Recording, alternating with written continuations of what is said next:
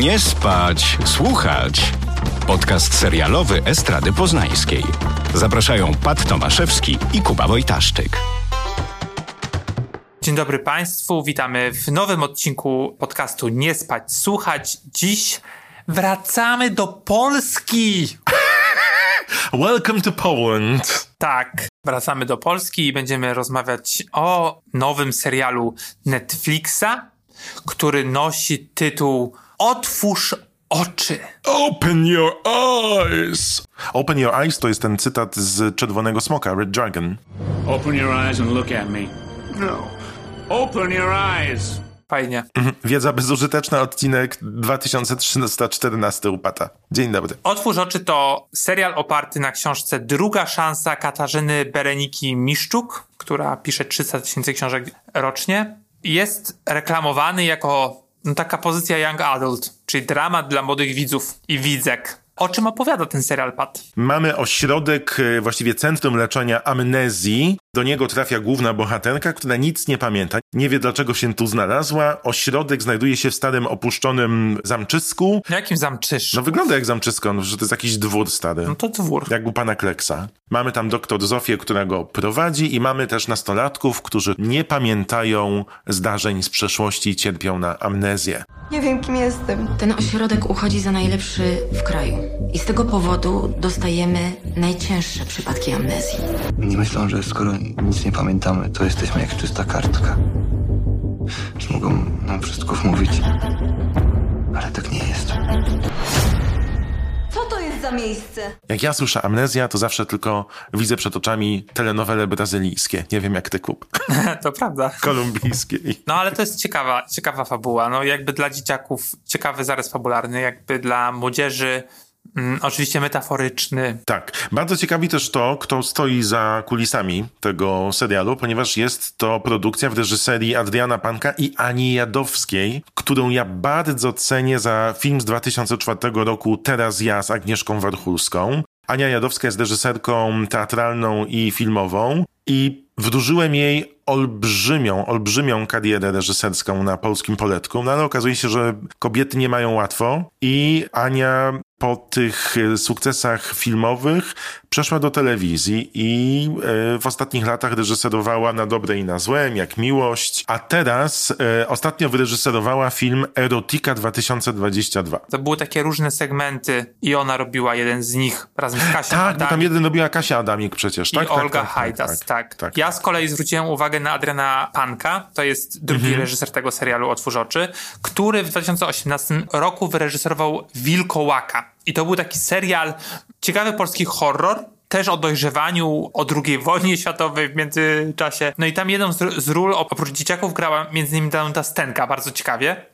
I to też akcja działa się w dużej mierze w takim podobnym jeżeli dobrze pamiętam, dworku, jak mamy do czynienia w Otwórz oczy i trochę tak się podśmiewywałem do siebie oglądając serial, że po prostu Adrian Panek nie wyszedł jeszcze z tego, z tej lokalizacji. Ale on też zrobił pułapkę z Agatą Kuleszą. To jest ten serial, o którym niedawno mówiliśmy w przypadku polskich produkcji streamingowych. A, a nie zrobił też, nie, nie wyrejestrował też Dasa? Chyba tak, chyba tak. Przez 2A, nie? Tak, zrobił w w 2013, tak. I tam go reżyserował z Kasprem Bajonem, który napisał Royst 97, a tutaj jest jednym z autorów scenariusza serialu Otwórz oczy, razem z Igorem Brejdygantem, znanym mm, miłośnikom kryminalnych odcinków serialowych, ale także z Mileną Dudkowską i Klarą Kochańską. Czwórka scenarzystów pisała Otwórz oczy. Tak, a serial ma odcinków 6. I o czym to Tak, świadczy? my dostaliśmy sześć odcinków, cztery osoby. My dostaliśmy d- możliwość zobaczenia trzech pierwszych odcinków, które rozgrywają się w tym ośrodku leczenia amnezji. No i trzeba przyznać, że jest to serial osobliwy, przynajmniej ja go tak odebrałem. Buduje się tu pewną konwencję, która albo sprzyja oglądaniu, albo mu przeszkadza. Jak to było u ciebie? Chciałem tylko powiedzieć, że zanim obejrzałem ten trzeci odcinek, dostaliśmy od Netflixa maila, na jakie spoilery zwrócić uwagę. Czy zostało mi zaspoilerowane? Być Ja może. nie przeczytałem tego maila, nie przeczytałem tego, a ty przeczytałeś. Przeczytałem, już wiedziałem, co, e, co się wydarzy w trzecim odcinku. No dużo to nie zmienia. No jestem ciekawy, jak będą wyglądać trzy kolejne odcinki, ponieważ te pierwsze trzy mają bardzo specyficzną, znaczy mam nadzieję, że to jest metoda prowadzenia aktorów, ponieważ no wszyscy grają tam, żeby użyć skrótowego określenia sztucznie. Bardzo jednowymiarowo. Główna bohateria, bohateria? Główna bohateria? Główna bohaterka grana przez Marię Wawreniuk jest bardzo dziwnie prowadzona. Jestem bardzo ciekaw, czy ostatnie trzy odcinki wytłumaczą emocjonalność tej bohaterki, czy to jest po prostu taki zabieg. I ona ma koleżankę Izę, którą gra bardzo utalentowana aktorka i ta Iza jest naturalna. Klaudia Koścista, to jest ta druga Tak. aktorka. I mówię o tym dlatego, że te panie bardzo wyróżniają się na tle swoich rówieśniczek i rówieśników. I teraz cały czas przez te trzy odcinki zastanawiałem e, się, czy to jest koncepcja, w którą ja po prostu nie wszedłem, czy doszło do jakiegoś zgrzytu związanego z poprowadzeniem postaci i dialogami. Ja uważam, że y, Maria Wawreniu, o której powiedziałeś, jest najsłabszym ogniwem tego serialu. Jakby występowała w, w niemym filmie. Dwiema emocjami, duże oczy i jakby szkolny teatrzyk trochę też. W ogóle nie kupiłem jej gry aktorskiej i podobnie jak doktor Zofii, którą gra Marta Nieradkiewicz, aktorka, którą uwielbiam. Tak, ona jest e, bardzo dobrą aktorką, a w tym serialu mamy też do czynienia z bardzo dziwną kreacją. Kreacją na jednej nucie też. I to wydaje mi się, Kuba, że to jest konwencja, że to nie może być tak, że, że ktoś celowo tak konstruuje postać. Za wiele nie możemy powiedzieć. Tak, bo mamy mnóstwo zakazów.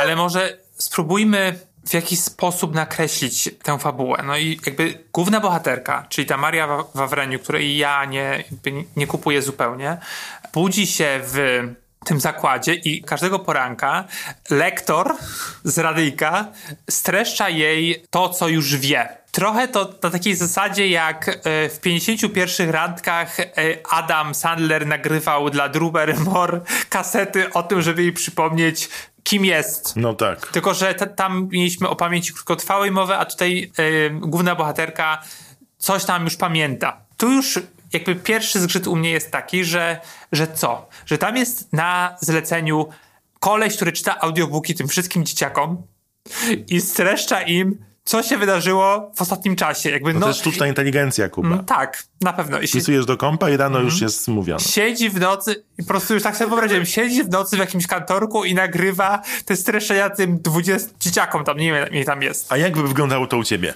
Masz na imię Kuba. Nie znasz muzyki, nie rozpoznajesz gatunków, lubisz piosenkę z Chicago. Tak. A u mnie byłoby awaria systemu, awaria systemu, za dużo danych. No i zaczyna się jej dzień. No jakby okazuje się, że ona jest taką bardzo utalentowaną pianistką i ta lekarka, ta Marta Nieradkiewicz, doktor Zofia, po prostu jak zna, zna dobre i na złe, no cały czas ją nakłania do tego, żeby ona grała i grała i grała. No i inni bohaterowie, inne bohaterki gdzieś tam w tle również mają jakieś tam talenty i mają się tam w szkole. To jest chłopak, który super tańczy, ta dziewczyna, o której powiedziałeś, ta, która grana jest przez Klaudię Kościastą, Iza, tak. tam niby maluje. Znaczy generalnie jest tak, że główną gałęzią działania ośrodka, który leczy amnezję tutaj jest opieranie odzyskiwania wspomnień na rozwijaniu talentów. Pasji. Taki jest jakiś premis. Ona nic, ta dziewczyna nic nie pamięta. I co się stało z jej rodzicami, dlaczego tam w ogóle trafiła. No i generalnie cały taki ten wątek y, science fictionowo-horrorowy, no nie wiem jak mam to nazwać, mm, taki dramatyczny, no jest wciągający, no bo jakby to siłą rzeczy chcemy dowiedzieć się, co się wydarzy na koniec. No bo to jest, to, to nie jest jakiś super rozbudowany zabieg, no po prostu klasyczny zabieg taki Tak, mamy tajemnicę głównej bohaterki, mamy tajemnicę tego ośrodka, no i to są rzeczy intrygujące, zgadzam się z tobą. Natomiast doktor Zofia, która prowadzi ten ośrodek, grana przez Nieradkiewicz, gra taką manierą odizolowaną od jakichkolwiek emocji i działań, że mnie na przykład odrzuca i ja cały czas miałem wrażenie po każdym jej dialogu, że ona za dwie minuty zaraz poprowadzi fakty. tak. Naprawdę. I to mnie odrzucało. Potem patrzyłem na wszystkie bohaterki i bohaterów, którzy pojawiają się w tym zakładzie leczącym amnezję. Non-stop za mną było, jaki to jest zły casting. I pytanie, nie no, dobra reżyserka, dobry reżyser, scenarzyści, którzy nie mają na koncie spektakularnych w top, więc to musi być jakaś konwencja. I cały czas czekam, żeby zobaczyć te kolejne trzy odcinki, czy miałem rację. bo wydaje mi się, że to wszystko, co widzimy w tych pierwszych trzech odcinkach, będzie trochę inaczej potraktowane w kolejnych. Mam takie przypuszczenia i jeszcze nie czytałem tych spoilerów, ale no, zwróć uwagę, jest to bardzo podejrzane. Nikt, nikt nie zachowuje się naturalnie. I wydaje mi się, że to może mieć odzwierciedlenie w dalszej fabule. No, chyba, że pojawiła się taka wpadka i rzeczywiście pozwolono na, na, na ta, taką opcję, co wydaje mi się, że nie jest prawdą, więc daję kredyt zaufania, chociaż konwencjonalnie jest to taki z takich klocków na zasadzie googlujesz jak zrobić serial z tajemnicą i sprawdzasz sobie po pierwsze, dajesz ujęcia w, w, ciemności z drona, które zbliżają się do tego ośrodka i one stają się tak repetatywne jak u Filipa Glassa, że zamiast budować napięcie, no niestety trochę budują śmiech. Potem masz bohaterów, którzy chcą utrzymać tajemnicę, ale nigdy nie zamykają drzwi. I dare you, to jest moje wyzwanie dla wszystkich oglądających ten serial, żeby policzyć albo brać drinka za każdym razem, kiedy zostają uchylone drzwi i bohaterka coś odkrywa poprzez uchylone drzwi. To prawda. Na to nie zwróciłem uwagi. Ale wiesz co, no to odważnie, jeżeli to jest taka konwencja drewnianości bohaterów i bohaterek, jeżeli to jest taka konwencja, no to e, gratuluję odwagi, bo jesteśmy po trzecim odcinku, jest odcinków sześć, no to jak utrzymać uwagę widza widzki, skoro wiesz, tworzą jakąś taką narrację, e, no właśnie, sztuczności. Szczególnie, że masz rację, że część aktorów jest naturalna, a część bardzo, bardzo, bardzo Dla mnie nie. tam nikt nie jest naturalny. No ta Iza jest super. Ta, e, no właśnie, ale to teraz, to teraz pytanie. Ta, ta przyjaciółka, ale te, ta koleżanka, ale też jest taka dziewczyna w okularach. I ona też jest spoko. Nie, nie wydaje mi się. No właśnie, dla mnie jest, dla mnie jest okej, okay, tylko to są postaci drugoplanowe. No i wiesz, jeżeli one zachowują się inaczej, w stosunku do, e, do głównej bohaterki i też tej doktor Zofii, która jest no, drugoplanową, jakby taką e, no, silną postacią, no to coś tutaj też nie gra. No bo też na przykład jest tak, że mm, tam są tacy, no nie wiem, sanitariusze. Jest tak karykaturalni na maksa. Którzy chodzą w golfach, jakichś tam jeansach. To są takie karki po prostu z siłowni. Takiej, takiej siłowni po prostu w, w piwnicy śmierdzącej stęchlizną. Dodałeś zapach do obrazu. No bo tak wyglądają. No i, i to są te, i w ogóle oni się nie ruszają, jakby, yy, znaczy w sensie generalnie nie, nie odzywają się. się są takimi y, Arnoldami Schwarzeneggerami tego serialu i mają tylko zadanie po prostu dosyć przemocowo przemieszczać y, bohaterki bohaterów z jednego miejsca do drugiego miejsca. Jednocześnie mówimy, że to jest najlepszy zakład le leczenia amnezji w kraju, a po prostu no jakby standardy jakiekolwiek tam nie istnieją. Takie standardy, wiesz, ludzkie i, no i to też jest pytanie. No jakby generalnie też na przykład jest Marcin y, Czarnik, który no chyba jest lekarzem. Trudno mi powiedzieć, kim on tam jest. Jest bardzo źle obsadzony, niestety. Czyli mamy takich tych po prostu antagonistów z filmów klasy B, że duże oczy, jakaś mina, tak wiesz, tacy, no bardzo tacy, jakby to dziecko sobie wyobrażało, jak wygląda zła postać. I jak wygląda pokazywanie emocji. I to mi trochę zgrzyta, znaczy trochę, to mi bardzo zgrzyta. W sensie, e, no odstaje od, od innych seriali, które oglądamy. No i to, to jest cały czas to, to pytanie właśnie, do którego wracamy, czy to jest konwencja, czy nie.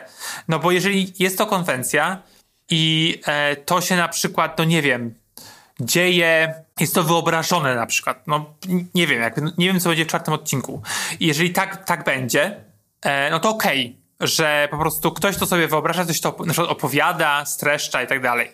No to jeszcze jak cię mogę. Ale jeżeli tak będzie cały serial poprowadzony, jak, że mamy do czynienia z robotami poniekąd, no to dziękuję bardzo. I też pytanie o scenariusz, no bo te dialogi pomiędzy tymi bohaterami i bohaterkami, no, no po prostu wołają o pomstwę do nieba. No i jest tam Kasper Bajon, który napisał e, scenariusz do Roysta 97 i Roysta. Znaczy, to, to skupmy się na Royście 97, gdzie te dialogi są no dobre, żywe, takie naturalne, a tutaj generalnie te dzieciaki, e, żeby podkreślić to, że to są nastolat nastolatki, no to przeklinają. Znaczy oni w ogóle nie mówią jak nastolatki. Tam usłyszycie między nastolatkami rozmowę typu jesteś świeża albo czym jest życie. I ja naprawdę się śmiałem niezamierzenie i mam wrażenie, że osoby, które pisały e, dialogi, nie obcowały z nastolatkami niestety. I tak jak wszystko, o czym ty mówisz i ja mówię i teraz sobie rekapituluję w głowie, Kuba, może konwencją tego serialu jest po prostu kino klasy B. i zupełnie inaczej na to patrzymy. Bo w tej konwencji, no to wtedy to jest bardzo poprawnie poprowadzone. Nie sądzę. Naprawdę. No, szkoda, bardzo szkoda, bo można było zrobić bardzo ciekawą opcję z przebywaniem w ośrodku i działaniem, ale nawet zagrać ciszą, niż czasami dać upust słowom. I już by było dwa razy lepiej. No nie wiem, czy byłoby dwa razy lepiej. Więc bardzo sceptycznie podchodzę. Jeszcze bym naprawdę kupił tę grę aktorską. No bo jeżeli wszyscy tak grają, no to coś musi, to jest, coś jest na rzeczy. W sensie większość osób Mhm. z obsady. No ale te dialogi, no nie mogę. Jakby w sensie pewnie obejrzę do końca, żeby zobaczyć, co tam się dzieje. I masz też rację, bo jest bardzo duża różnica poziomów pomiędzy aktorami. Bo tam jest też taka Magda, która gra osobę, która ponoć, jak dostajemy informację, ma schizofrenię. I jej wybór środków aktorskich w porównaniu do wszystkich innych jest momentami też komiczny, a nie powinien być. No, mam bardzo dużo zgrzytów, a szczególnie z tymi uchylonymi drzwiami. w zamkniętym ośrodku. Mnie najbardziej przeszkadza jednak ta... Główna bohaterka. Ja uważam, że ona ma coś w sobie. I to nie jest pasożyt. Ej, wiem, co chciałem powiedzieć. Pamiętasz ten serial Devs, o którym mówiliśmy, nie wiem, w tamtym roku, gdzie grał... Tak, tak, tak, tak, tak. Ona jest bardzo stylizowana na nią, Tak, nie? i generalnie tam jest... i, w tamtym serialu, z tamtego roku, y, którego robił... y, Mizuno, nie? Ona się nazywa tak, tak. a aktorka. ten serial robił ten koleś od Ex Machiny. A tego serialu nie lubię, ale... Bo tam też było tak sztucznie. Może nie aż tak, jak tutaj.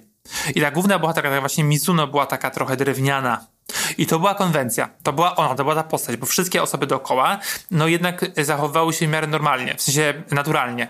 A, Tak. a tutaj jakby wzięli tą Mizuno, tę bohaterkę tworzoną przez tą aktorkę i próbowano wrzucić do każdej postaci tam. Jakby stworzyć taki trochę devs na polską modłę. Ale ona nawet wygląda podobnie, to jest ciekawe, nie? No podobnie, no Ona w sensie stylizują ją na i garderobę i, i włosy. Zobacz, bo to jest coś, co mnie bardzo przeszkadzało w oglądaniu. Emocje głównej bohaterki ze sceny na scenę są drastycznie różne. I to jest tak, że kiedy scena wymaga, żeby była przerażona, to ona jest przerażona. Natomiast zaraz po tym jest scena, gdzie ona rozmawia z Adamem, swoim kolegą z ośrodka. w drugim odcinku. Już jest zakochana, robi maślane oczka i nie ma przerażenia, nie ma napięcia, nie ma emocji, które powinny jej towarzyszyć w momencie, w którym ona nie wie, kim jest, nie wie, w jakim miejscu jest, jest zaniepokojona tym i linearnie niebudowane jest napięcie poprzez jej emocje. Co normalnie w każdej produkcji robiłoby taką z widzem, takie połączenie na zasadzie co tam się dzieje, ja chcę o tym wiedzieć. Natomiast to jest tak poprzerywane i to jest tak poszatkowane, tutaj sobie gra, tu jest szczęśliwa, tu sobie gada, tu się śmieje i tu nagle znowu się przestraszy, potem znowu się śmieje, potem znowu jest przerażona, a potem znowu jest przyjemnie. To jest tak nieracjonalnie poprowadzone dla mnie, że ja od razu uciekłem z tej konwencji. Tutaj miałem y, duży problem, bo to jest jednak kwestia poprowadzenia przez y, reżysera albo reżyserkę. Trudno jest oceniać bez zobaczenia tych trzech kolejnych odcinków. Nieprawda. Ale na razie jestem na nie. Niestety, bardzo mi przykro. Szanuję bardzo próbę, ale tam wiele rzeczy nie gra. Jestem ciekawy. Jeżeli to będzie jako jakaś reminiscencja, to te emocje tej głównej bohaterki jeszcze można w jakiś sposób ugryźć. No ale z drugiej strony naprawdę, no ja nie, ja po prostu nie, mo- nie mogę zrozumieć, dlaczego oni tak, czemu tak jest tak, tak drewniano tam. No i to tego nie mogę przebrnąć. Jak widzę Martę Nieradkiewicz, w ty, no w tej samym bluzce, Tak. no i po prostu jej wypowiedź ma po prostu 10 linijek i jeszcze bez znaków przystankowych, po prostu jakbym, jakbym czytał książkę, no to w sensie bez kropek, a z przecinkami, no to kto tak mówi? Nikt. I wiesz, musimy już iść. Proszę, idź do swojego pokoju, kochanie. Nie, Tam jest taka, w drugim odcinku chyba jak główna bohaterka przychodzi właśnie do tej doktor Zofii i mówi, że nadal czegoś nie może sobie przypomnieć, a ona mówi, to jest normalne w takich zachowaniach, przypominasz mnie, kiedy byłam dzieckiem, teraz musisz zrobić to, maleńka, idź i, i to jest... Wydaje mi się, że to jest konwencja, Kuba. Będziemy mieli możliwość porozmawiania z aktorami, to ich zapytamy o to. Bo może to jest właśnie taki zabieg w kierunku publiczności. Co byłoby dziwne, gdyby on trwał trzy odcinki. Faktycznie, masz rację. No ale kto powiedział, że nie można tak eksperymentować? To jest platforma streamingowa, która pozwala sobie często na eksperymenty, więc być może jest przed nami coś, czego jeszcze nie wiemy i to wszystko będzie uzasadnione. Liczę na to. Bo inaczej nie chciałbym mieć do czynienia z tak źle poprowadzoną produkcją. Więc daję kredyt zaufania. No, no to dobrze. Ja nie wiem. No, obejrzę pewnie do końca. Sześć odcinków to niedużo, ale jednak e, wiesz, po Spotify myślałem, że dostaniemy kolejny serial dla młodych dorosłych, który no mnie jakoś zaangażuje i będzie bardziej współczesny, a tam też jest trochę tak, że że mi się teraz przypomniało i to już kończąc, że niby to jest trochę futurystyczne, nie, wiadomo, nie wiemy, w którym roku jesteśmy, co się stało, a jednocześnie te dzieciaki mają takie żarty albo odniesienia do rzeczy, do których pewnie scenarzyści mieli, scenarzystki. Że na przykład ciocia z Ameryki przyjechała i jakby to jest beka po prostu z okresu. Jakby wydaje mi się, że współczesne dzieciaki już tak nie, takiego określenia nie używają. Albo tam było odniesienie do dosi, czy do jakiegoś takiego proszku. Ja mówię, serio? Naprawdę? Zaraz, zapytam mojej siostrzeńcy, czy, czy wie, co to jest dosia. I to mi tak zgrzytało, że jakby to są takie rzeczy, takie drobne, które po prostu gdzieś tam cię wytrącają. Tak, no jeszcze zwróćmy uwagę na tytuł, który myślę, że bardzo dużo mówi. Otwórz oczy. To jest nowy serial Netflixa, który możecie oglądać na tej platformie. No jesteśmy bardzo ciekawi, co z tego wyjdzie. A niedługo będziemy mieli okazję porozmawiać z aktorami, więc może dowiemy się więcej. Czy jest jeszcze coś, co chciałbyś polecić słuchaczkom, słuchaczom z całego świata? Czy chciałbym coś polecić? Pff, nie.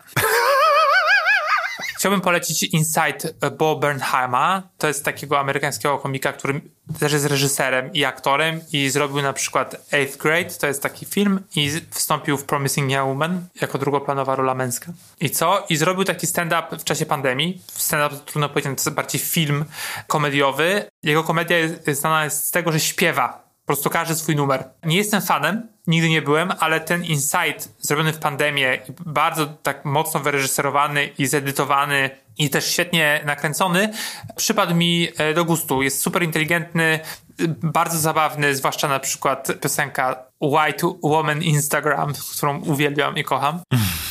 tak. I e, to możecie zobaczyć na Netflixie jest bardzo fajne. To, to poleca Kuba. Ja polecam podcast Fresh Air Sterry Rose. W jednym z ostatnich odcinków pojawił się Hugh Grant, który opowiadał o przygodzie The Undoing i o tym, jak pierwszy raz w swojej karierze odkrył, że jego rola była oceniana po uzębieniu. Bardzo ciekawa rozmowa. No, dziękujemy bardzo. Do, Do usłyszenia. usłyszenia. Ale ładnie powiedzieliśmy razem. Jak w musicalu. Nie spać, słuchać. Producentem podcastu jest Estrada Poznańska. Wszystkie odcinki znajdziesz na estrada.poznan.pl.